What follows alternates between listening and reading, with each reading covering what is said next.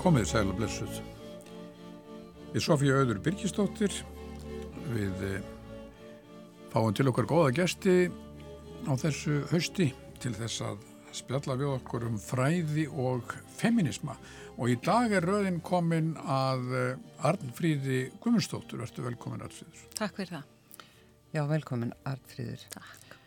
Nú, Arnfríður Guðmundsdóttir, hún er prófessor í eh, Háskóla Íslands í Guðfræði deilt og nánartiltekið er hún profesor í feminískri guðfræði.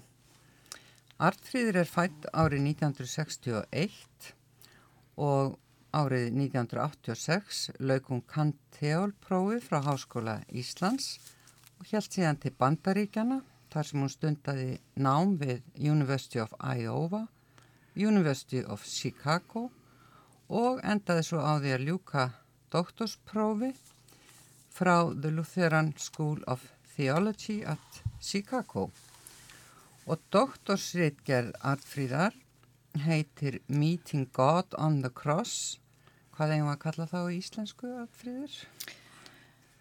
Góð spurning. Stefnumót við, við Guð á krossinu? Já, mér finnst það bara mjög fín. En það ekki. Uh, Ritgerðin kom semst út af bók 2010 hjá Oxford University Press. Nú, helstu fræðasvið artfríðar eru eins og gefur skilja feminísk guðfræði, lútersk guðfræði og svo hefur hún líka rannsakað mikið trúarleg stef í kvikmyndum. Nú, mér langar að spurja þið fyrst artfríður, hvort koma undan hjá þér feminismin eða guðfræðin? Ég held ég sé fættur feministi. Ég held að, að því leiti til komið feminismin á undan en, en í guðfræðinlegum skilningi þá, þá held ég að guðfræðin hafa komið undan og feminist guðfræði komið á eftir. Já, í guðfræðilegum skilningi. Já. Getur útskilt þetta Í nánar? fræðilegu samengi, réttar að sagt. Að, að í fræðunum að þá er ég með, með að sjálfsögðu með mjög klassíska guðfræðmyndun. Þannig að mín sérhæfing verður innan feminískrar guðfræði. Já, Eftir að þú fórst í framhaldsnámi. Já. Já. já, Það verður ekki verið svona rífandi stefning fyrir feminisma í Guðfræðdelt Háskóla Íslands líklega þegar þú varst þar. Ekki beint. Nei, nei, nei.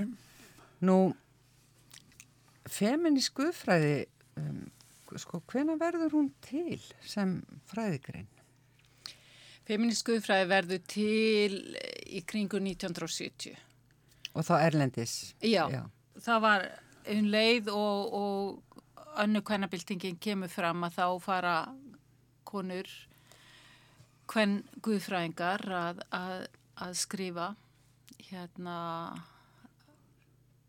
guðfræði út frá feminísku sjónarhortni og, og oft er litið til hérna guðfræðing sem að hétt Mary Daly til, sem, sem svona frunkuls og hún á mjög merkilegan bakgrunn, hún er, var sem sagt, hún er látin núna en hún var sem sagt hérna rómæsk katholsk og hún, hún tók töfaldan doktor, einn í heimsbyggi og annan í guðfræði.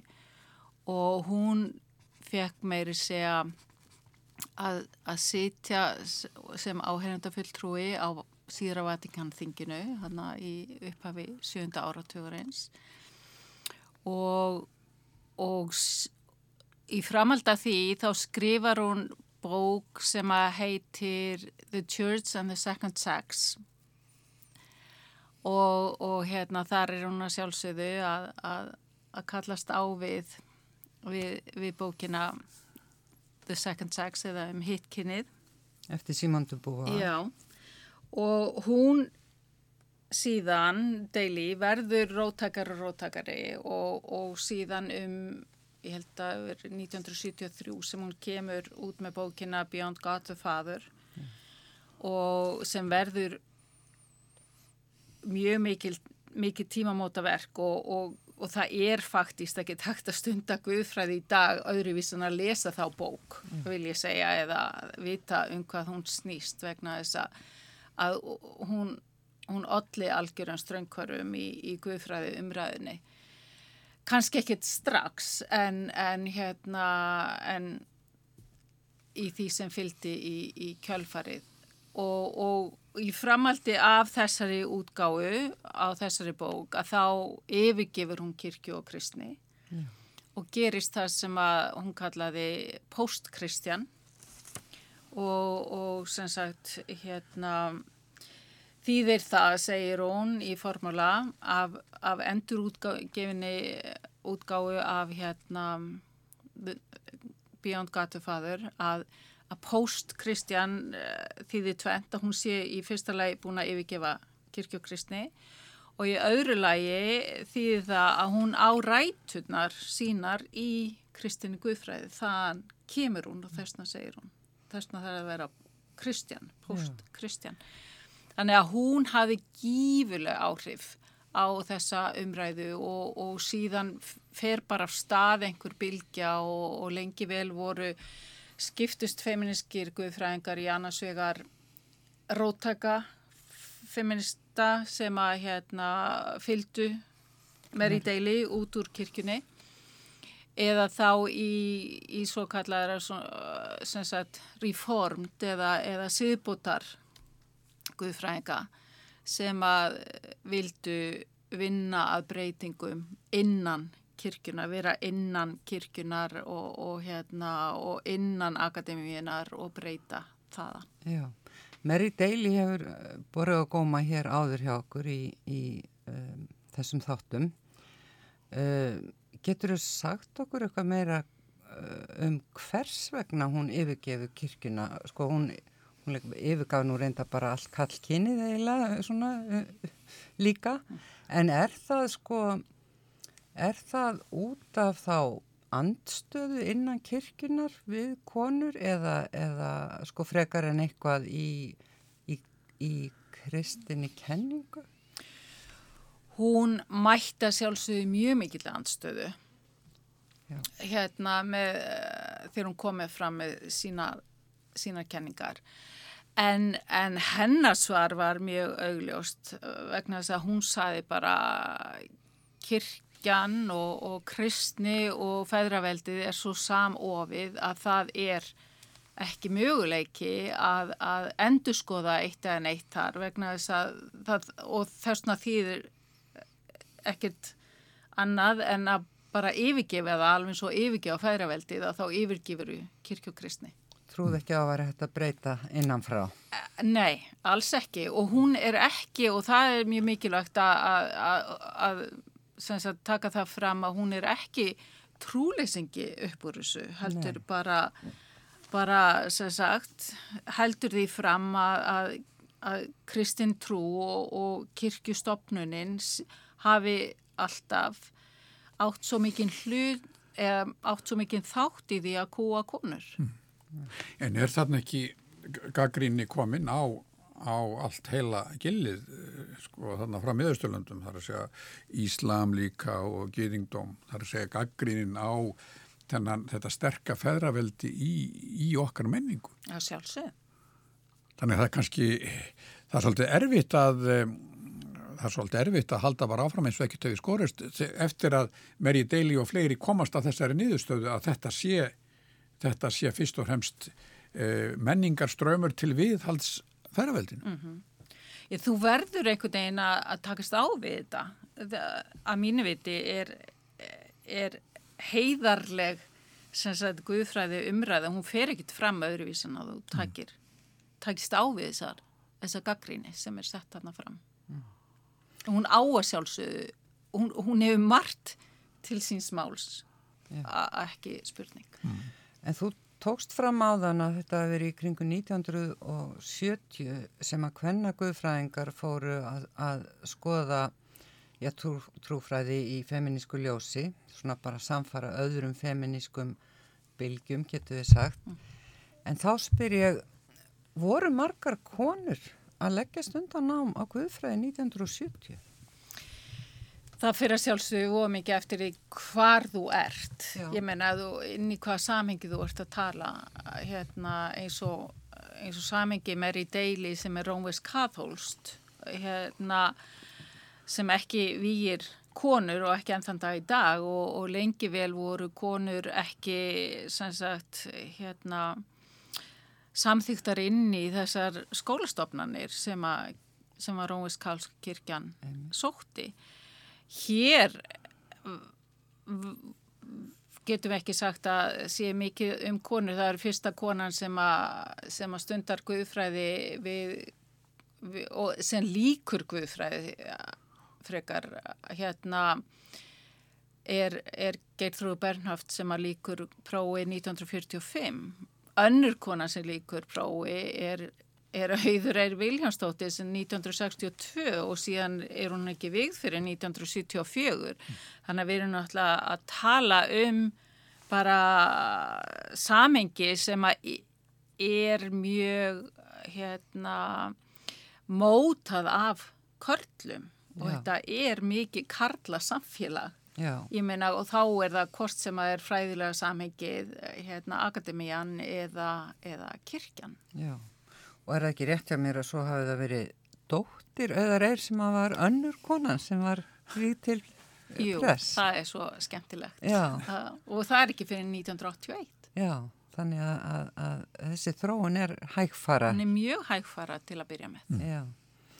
En að því þú nefndir nú auði eir að, að það er náttúrulega í gegnum hana sem að kannski orðið hvenna guðfræði, þú vilt freka tala um feminíska guðfræði en, en, en þetta orð kvennaguðfræði það svona kemur bara fyrst upp í tengslu við umræðu um auði eir, ekki það?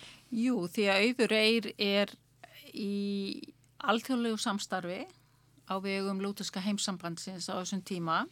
Á þessum tíma meina ég þá í, þarna, í, í kringum 80, 1980, ég veit ekki alveg eitthvað fyrir það og áfram. Og hún verður fyrir miklum áhrifum frá þessu, þessari umræðu, þessari feminísku umræðu innan Guðfræðinar þar. Og það er hún sem er algjör fröngkvöðl í, í þessari umræðu hér á landi. Já, og hún, hún er veriðist að verið ansi róttæka því hún fyrir líka að tala um Guð í kvenkinni, ekki það? Jú, það er að sjálfsögðu hluti af þessari feminísku umræðu er, er að, að tala um álfarið. Já. Og þessi áhersla sem að til dæmis Kvannakirkjan hér hefur, hefur hérna, komið svo stert fram með er að málfar mótar. Já. Og, og það er að sjálfsögðu á viðum öll svið samfélagsins en það á mjög mikið erindi inn í kirkuna sem að inn í helgihaldið, inn í hérna biblíuþýðingarnar og þessa hugmyndavinnu sem að við erum að vinna innan Guðfræðinar að, að þú veist hvaða hugtöku eru við að nota eru við alfarið að nota kallegar myndir og, og hérna og hvað, hvernig mótar það okkur hvað, mm. hvað gerir það fyrir okkur ef við erum sífælt að tala í kalkinni. Og ávarpa söfnuðin meirum inn í kalkinni Jafnvel, kannski. Jável, og það er það sem að síðan skila sér inn í biblíuþýðinguna 2007 að þá er tekið þetta skref varðandi þýðinguna Nýja testamentinu að þá er uh, það sem að hérna Pál Postuli er að ávarpa bræðuna, kæru bræður, að, að þá er, er hérna í fyrsta sinn sett inn kæru sískin eða kæru bræður og sístur vegna þess að það er ljóst að, að, að Pál var að tala við blandaðan söpnuð. Ja. Hann var ekki bara að tala við kallana. Ha, það, eru, það eru margar konur nefndar á nafn meiri segja í brefum Páls yeah. þannig að öll þessu umræða um að, að, að þarna sé séu þýðundur að taka sér of mikið eh, skáldaleifi og, og þarna séu verið jáfnvel að falsa biblíun og eitthvað slíkt að, að þá þá er það er einhver verið að breyta sem ekki er hægt að að sína fram á að, að, að hérna á sér forsendur í þessu sögulega samingi sem tekstin verður til í. Já. Var það ekki, ég verða að spyrja, var það ekki Páll líka sem að lísti því að konur ætti að þeia í kirkjum? Þegar á safnaðarsamkomum. Á safnaðarsamkomum. Og konur hafa nú aldrei verið myndar á það í gegnum áratugina og aldirnar En, en hérna, en jú, jú, Pál sagði það og Pál var náttúrulega að vinna í mjög kallægu samfélagi.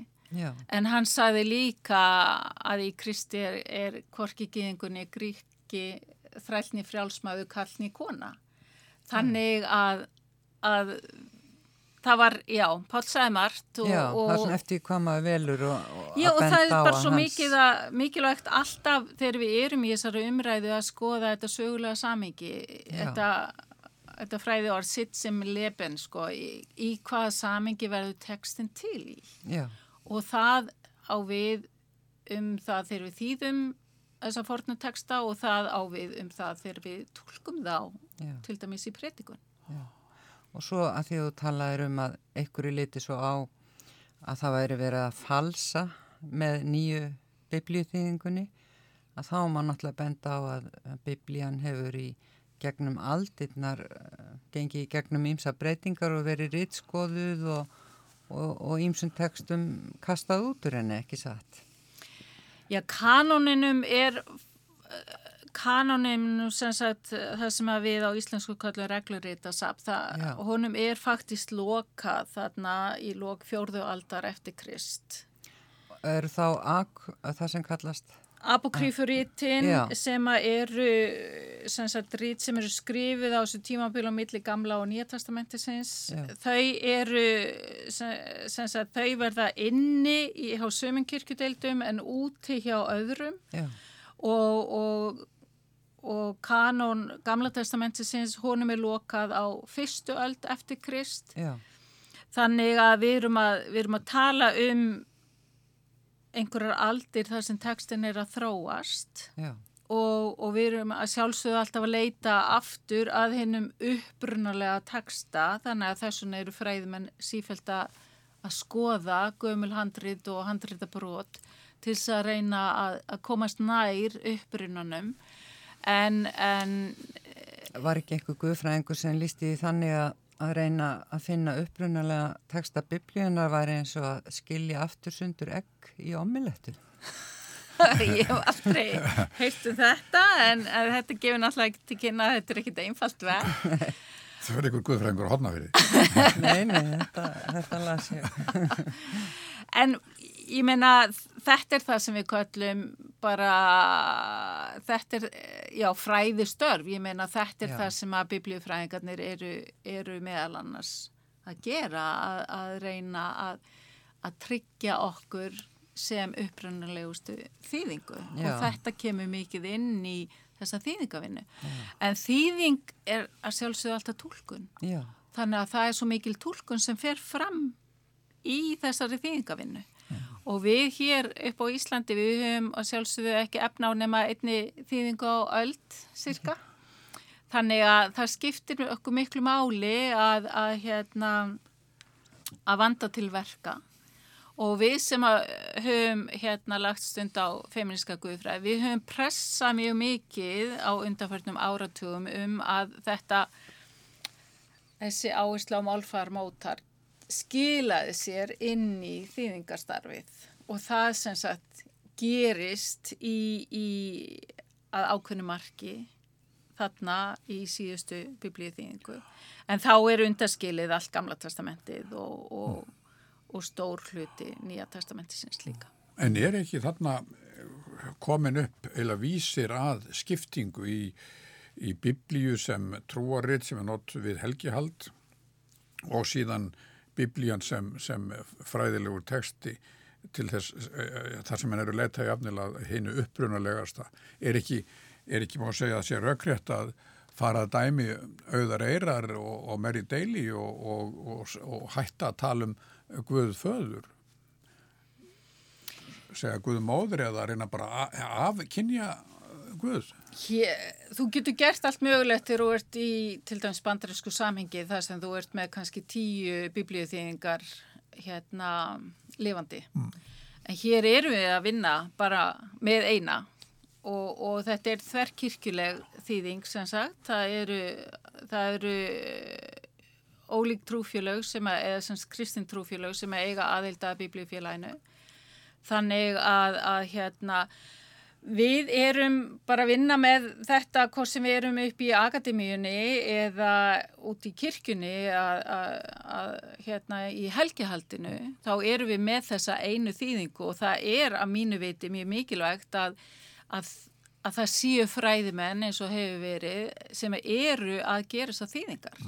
Mm. Þannig að við séum sífælt að endur sko að ég er fylgjandi því að við séum ekki með að kljúa þarna sem sagt og fara einhverjar í tvær áttir með annars vegar sem sagt helgihaldi og hins vegar akademíuna vegna þess að að mér finnst mikilvægt að í helgihaldinu séu við að nota uppfærðan texta, séu við að nota texta sem er á, á samtímamáli, er á skiljalegri íslensku og séu líka að taka svona ákveðin skref í takti við umræðina eins og þetta að hægt að segja kæru bræður og fara að segja sískin í staðin. Já, þér finnst það, það, það er rauninni samrýmast þessu, þessu, báðum þessum hlutverkum í rauninni.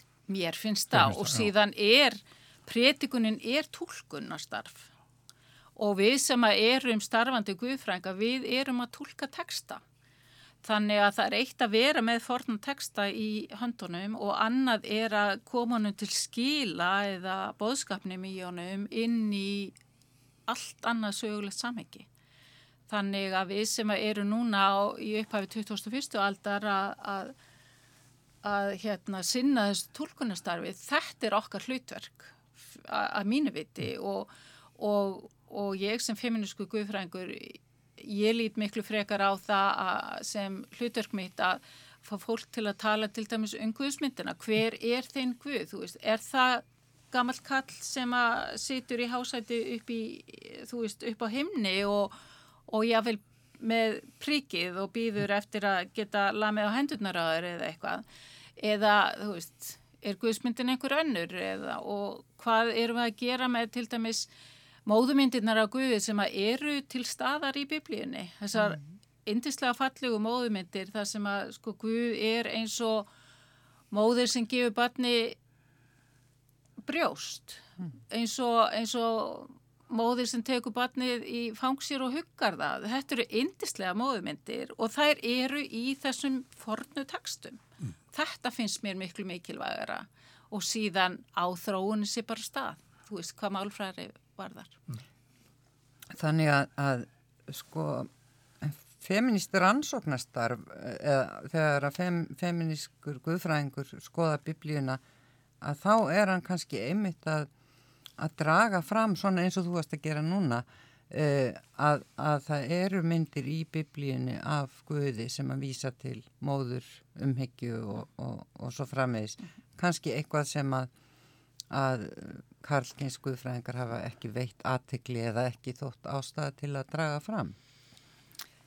Já, við alveg klárlega þetta, þetta erum við að gera og, og sem betur fyrr er þetta líka eitthvað sem við erum að, að, hérna, að draga fram í okkar kennslu þannig að, að hérna, til dæmis ég sem trúfræðingur er að vinna með nemyndu mínum í þessu með málfarið, þú veist hvernig tölum við um, um hérna um Guð, hvaða áhrif hefur það að við tölum að segjum alltaf hann og notum kallamyndir eða og akkur erum við ekki að nota þessar fallegu móðumyndir er þetta ekki fórildramyndin frekar heldur en eitthvað hartföður hlutverk sem að svo má tala um mjúka mjúku föðumyndina veist, mm. við erum að gera þetta í eh, feminísku fræði er og hefur alltaf verið mjög þverfagleg þannig að, að, að feministk guðfræði er að mörguleiti að gera það sem feministki bókmyndafræðingurinn er að gera og feministki sakfræðingurinn er að gera við erum mm. að vinna með texta og við erum að lifta upp þessum konum sem að voru í kirkjusugunum og, og þú veist, enginn þekkir Já. enginn, sko, þessar konur, þetta er eins og í ennskunni his story, sko, þetta Já. er saga hans mm og þú veist, hvar, er, hvar eru konar í þessu sögu, voru þar ekki þarna eða er þetta bara hefur sjónahortni verið svona kallagt að, að þær hafa bara orðið ósynlegar Ég minnist þess arðfriður að fara því að setja í tímum hjá þér hérna fyrir all mörgum árum þar sem þú, þar sem að hlustaði sko eiginlega á hryllingssögur uh, sem voru allt svo sögur sem þú dróst fram af hlutskipti kvenna í Gamla testamentinu. Og, uh, og það svona leiðir hugana því að að sko viðfangsefni guðfræðinga, feminískra guðfræðinga hlýtur að vera ærið með, með þennan menningarsögulega hvað var að segja, með allt þennan menningarsögulega gr, grunn sem, sem, sem gamla testamenti er líka að það er, ærin starfi að tólka þetta og, og mjög lítur að skipta heilmiklu máli til dæmis síðan fyrir aðra fræðimenn eins og bókundufræðinga mm. Já, ég, mér finnst svona þerrfaglegt starf svo gefandi og, og hérna og hef notið þess að vera að vinna með feministum sem eru ymitt í öðrum greinum alveg eins og þegar við skrifum bókina Hvernig barótt og Kristinn trú hérna greinasap sem kom út fyrir tíu árum að þá voru við þá voru við sagt sakfræðingar og bókmyndfræðingar og, og mannfræðingur og, og hérna og tveir guðfræðingar að, skoða sama viðfónsefni en allar út frá okkar sjónahortni en við vorum að skoða sagt, að hvaða leiti kvennabaráttan þessi fyrsta kvennabarátti kringu 1900 var, var uh, hvernig hún varð fyrir áhrifum frá kristinni trú og hvernig kirkjan var síðan fyrir áhrifum frá frá kvennabaráttunni mm, mm. þannig að, að hérna, jú, það, þú ert væntalega að að tala um þessar óbildssögur í Gamla testamentinu og, og þetta er önnur fræg fræg kona sem á heima í flokki með Mary Daly sem heiti Phyllis Tribble sem er Gamla testamentsfræðingur og hún skrifaði þessa bók Texts of Terror hérna mm. í kringu 1980 sem að vakti mikla aðtikli og er svona klassísk bók í dag hérna og og flestir sem að eru að, að lesa gamletasminsfræði rekast á, á þann titil og, og, og hennan nafn og það er akkurat þessi áhersla sem að Félix Trippul setur að, að hérna, akkur er ég að lifta upp þessum sögum, segir hún í, í formála, þú veist, sögum af einhverju skjálfilegu ofbeldi sem sagt þegar tamarinn aukað af, af bróðu sínum eða, eða hérna hópnaukunar já, fleira, já, já, algjörlega þetta eru, þetta eru virkilega ljótar sögur og þetta mm. eru bara óbeldi sögur og hún segir það er bara vegna þess að þessar sögur það er, það er kallast á við óbeldi sögur samtímans mm. Mm. og það er að sjá þetta samhengi í hlutunum veist, þó að þetta sé mjög ólíkur, ólíkt sögulegt samengi sem annars vega tamarlifir í og hins vega við á okkar tímum að þá er óbeldið, það lifir bara góðu lífi hjá okkur og við erum mm. ennþá að takast á við við það að, að þann dabra raunveruleika að, að, að hérna fjöldi fjöldi hvenna deyr vegna heimilsóbeldis mm. en þann dag í dag og við höldum að við séum svo upplýst og, og séum komið svo langt í, í hérna í þróuninni mm.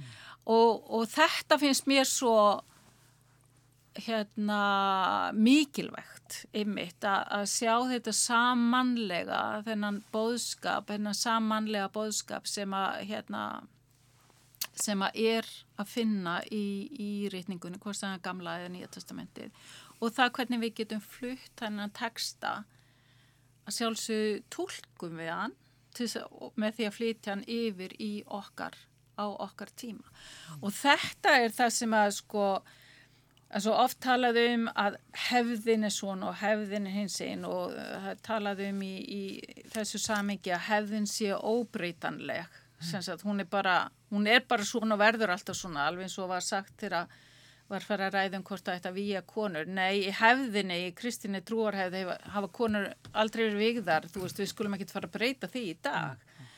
Þú veist, hefðin er bara eitthvað sem við erum alltaf að búa til. Mm. Hún er að þróast og þetta kemur að þessu latneska orði traditjó er að flytja áfram mm -hmm. sem þess að tradisjón að, að, hérna, að það er það sem við flytjum áfram frá einni kynslu til annarar mm.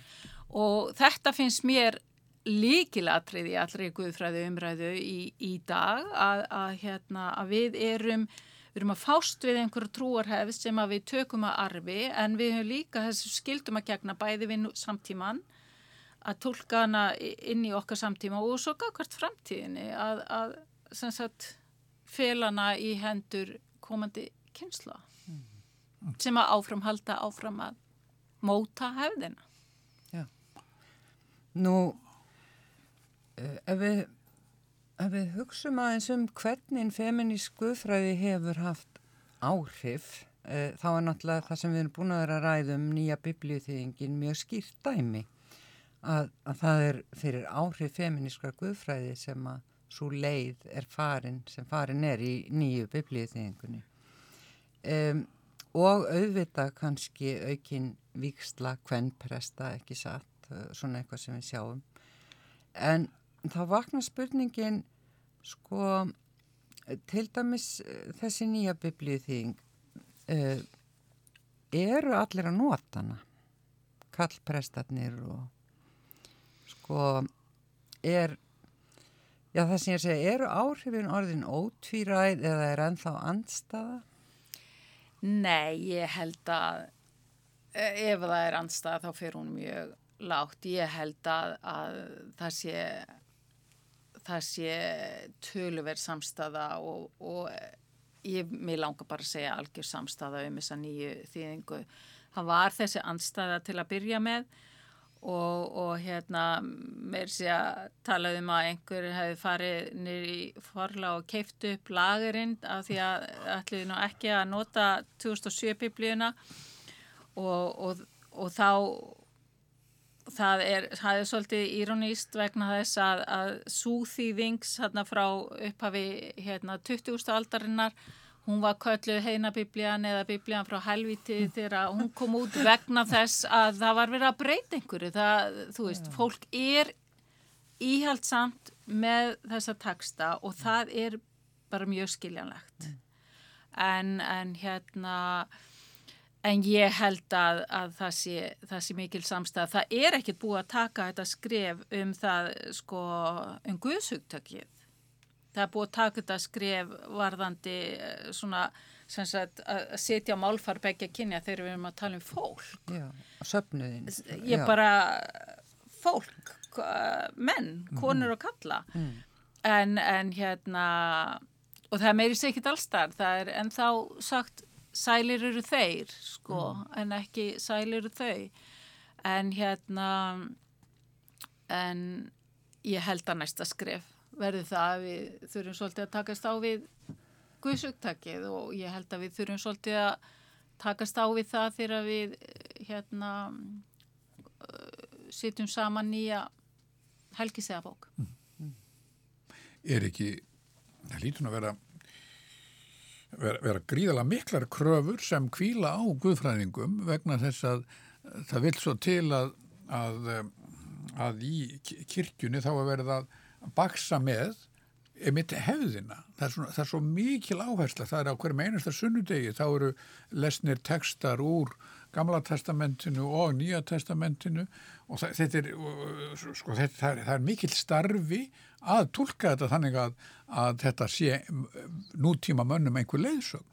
Þetta sé ekki bara uppspretta af klísjum. Algjörlega. Mm.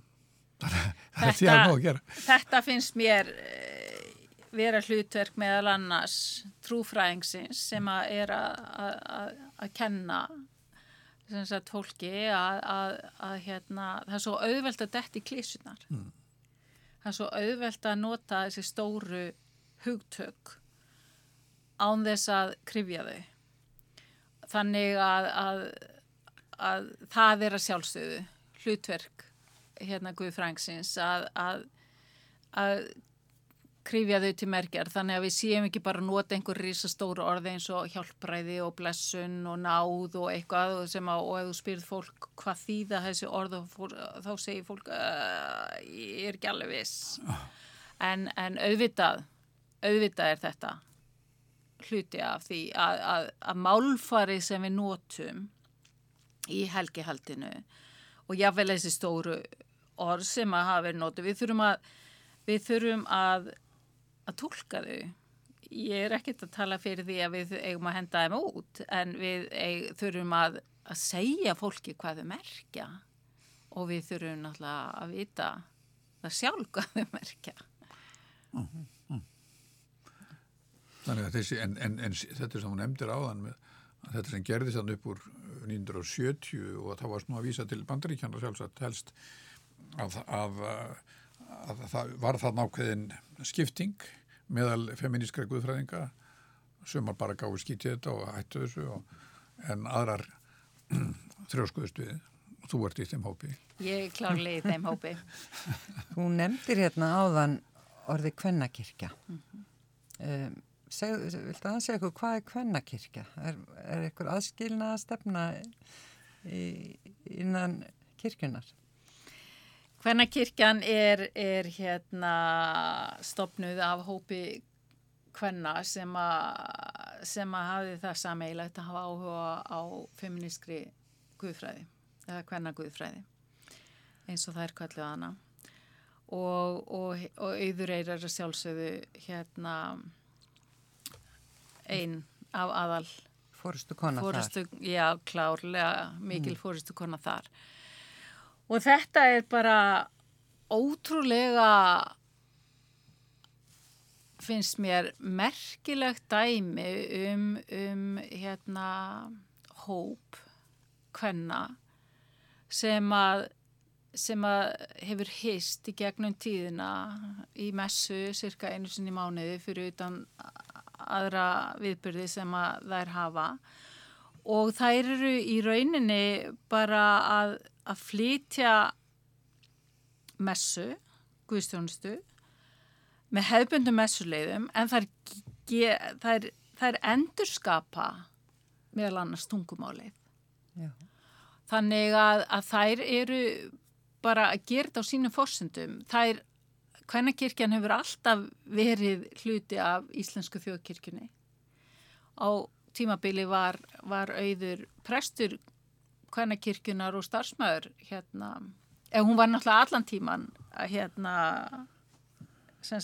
starfsmæður eh, þjóðkirkjunar en hún var hún, það var hennar meginstarf í, í lok hennar ferils að vera að starfa með kvænakirkjunni og, og er kvænakirkjan ennþá uh, starfandi já, og, og öflug? Já, já Þannig að þarna er, þarna er sungnir sálmar, gerðnan sálmar eftir konur mm. og það eru nú ekki mjög margir sálmar eftir konur í þeirri sálmabók sem að, sem að er nótu í, í hérna í Íslensku þjóðkirkjunni í dag mm. er að koma út nýj sálmabók þar sem að Skáldkonur hafi verið fengar til Já, að yrkja nýja sálma. Já, ég ávona á að það verði mikil breyting þar Já. á. Mm -hmm. En við erum að tala um nýju konur í, sem að eiga sálma í, í sálmabókinu sem kom út árið 1997 og, og ef ég mann rétt þá er, þá er svo næst yngsta fætt 1928 og svo yngsta fætt 1965. Þannig að já, það er þörf á ákveðni endur skoðun þarna. Já, þetta er, þetta er skemmtilegt að auðvitað á sálmasafni að endur nýjast. Sjálfsög, sjálfsög og það er það. Já. það já.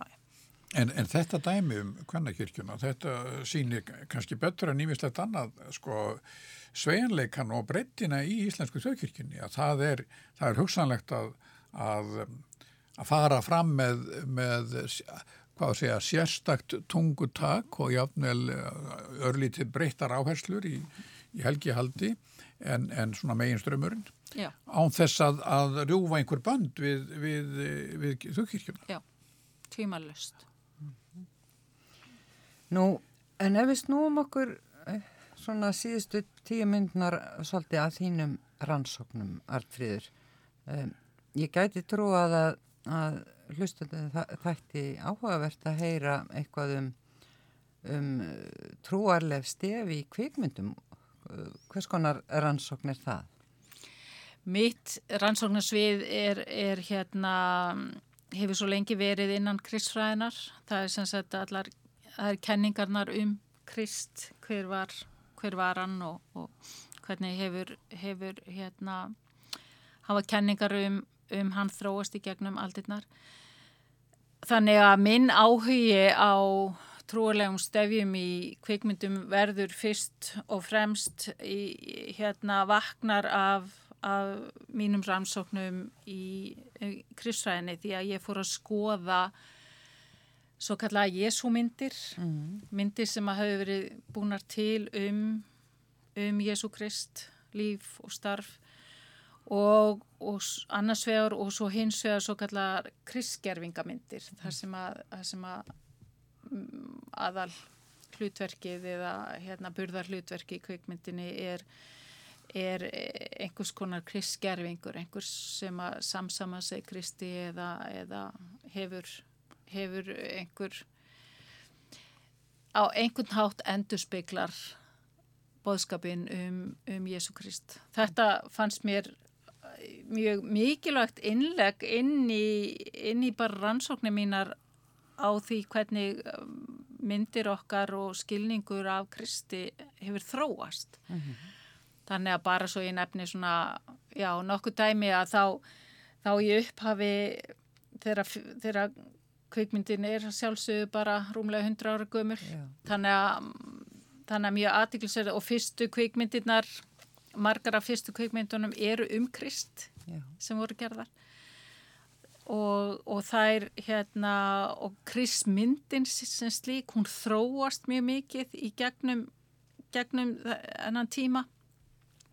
Og, og hérna og síðan sagt, þar sem að Kristur eða aðalpersonan er, er mjög svona stóiskur, fjarlægur, rólegur, hefur, lít, hefur eiginlega ekkert áhrif á hann, hann er einhvern veginn bara svona í sínum eigin heimi og svo að fara yfir í, í myndir eins og Jesus Christ Superstar eða, eða mynd Martin Scorsese's um síðustu freystingu Krists eða Gibson myndina um hérna The Passion of the Christ. Þannig að, að, að sjá bara hvernig Krist myndin sem slík þannig hefur þessi, mótast. þessi fyrsta mynd sem þú nefnir af þessum fjarlæga Kristi hann, eh, svo mynd breytist yfir í hvað byltingarmann kannski? Já, tímabili, gerðu það, já. Því að það er hérna King of Kings sem að kemur út, minnum ég, 1928 eða eitthvað í kringum það sem er, er hérna, sem hann er mjög hátt upp hafinn og, og hérna, og svona mjög, mjög í rauninni himneskur, getur við kannski sagt. Þangar til að hann verður mjög mannlegur og, og verður svona róttaklingur, fer svo yfir í, í hérna, já, svo mynd eh, af honum verður alltaf, eiginlega alltaf svona mannleir og mannleiri þangar til í Jesus Christ Superstar að hann, hann, hann verður jáfnvel ástfangin sko sem að þótti alveg óbúslega, óbúslega erfitt fyrir marga að kingja. Já. Þetta að, að, að Kristur væri að líta á Kristin kynveru það var einhvern veginn eitthvað tabú. Og svo yfir í þessa mynd af, af Kristi í, í mynd Gibson það, það sem að sko það sem að við næstu hefur bara nýja útgáfa Breifhart sko. Það, hann, hann er bara hann er bara lamin og barinn og alltaf stendur hann uh, þú veist að blóðið flæðir úr honum og alltaf stendur hann upp aftur og, og hérna Eitthvað skonar ofurhetja? Já, hann er klár ofurhetja í Já. þeirri mynd, þannig að, mér finnst þetta mjög aðtilsvært. En svo hitt, sko, Krist Gervingin, og mm -hmm. það mhm. getur jáfnvel verið kona. Eða, Já, ég var, ég var sérstaklega að skoða, mér fannst það sérstaklega spennandi að skoða hvernig konur... Getur þú nefnt einhverja myndir svona?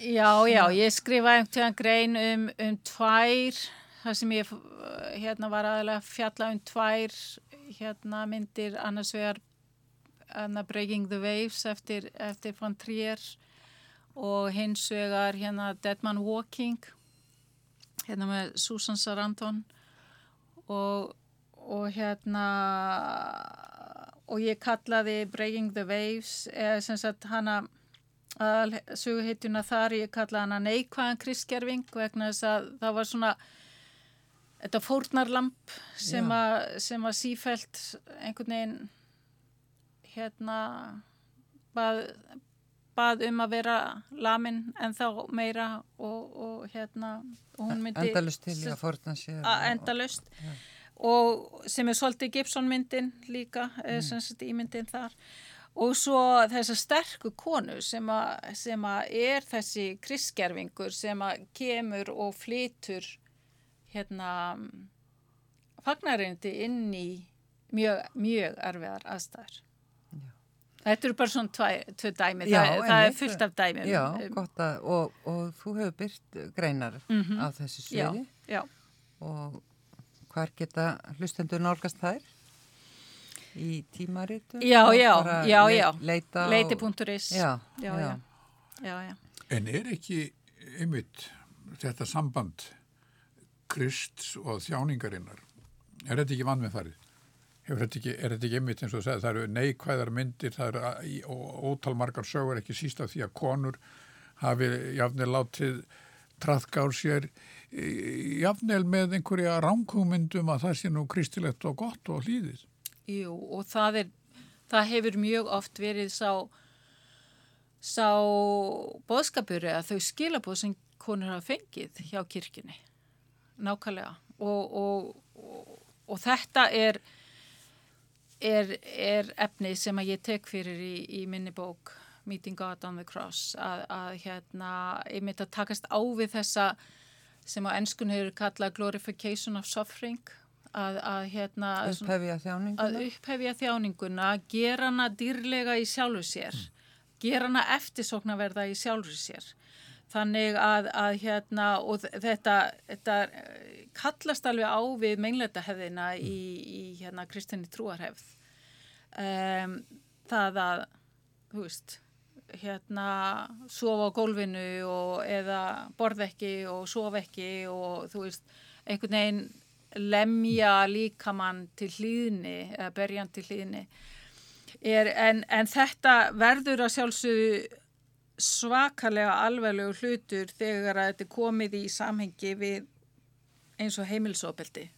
Það sem konan sem að býr við heimilsópildi fyrir til pressinsins og byður um hjálp og, og hjálpin sem hún fær er að, að henni sagt farið bara heim og, og þú veist þú ert þú ert að þú ert bara að taka upp þinn kross og, og bera hann eins og Kristur gerði. Þannig að, að hérna, farðu bara inn í það þá er aðstæður aftur og, og verðu hérna verðu bóðberi kærleikans umbyrjalindisins Sér, við verðum að viðhalda ferravaldinu og hjónabandinu og já, þessum stofnum. Já, og þetta er að sjálfsögur rosalega mikilvægt. Síðasta greinin sem ég skrifaði var ymitt um MeToo og, og hérna og og, og höfum hátt mm. íslensku útgáina af því en, en það er í, semst, í amerísku samingi en það er nákvæmlega þetta við verðum að, að, að skoða gaggrínið hvernig hlutir eins og fyrirgefning hvernig hlutir eins og þjáning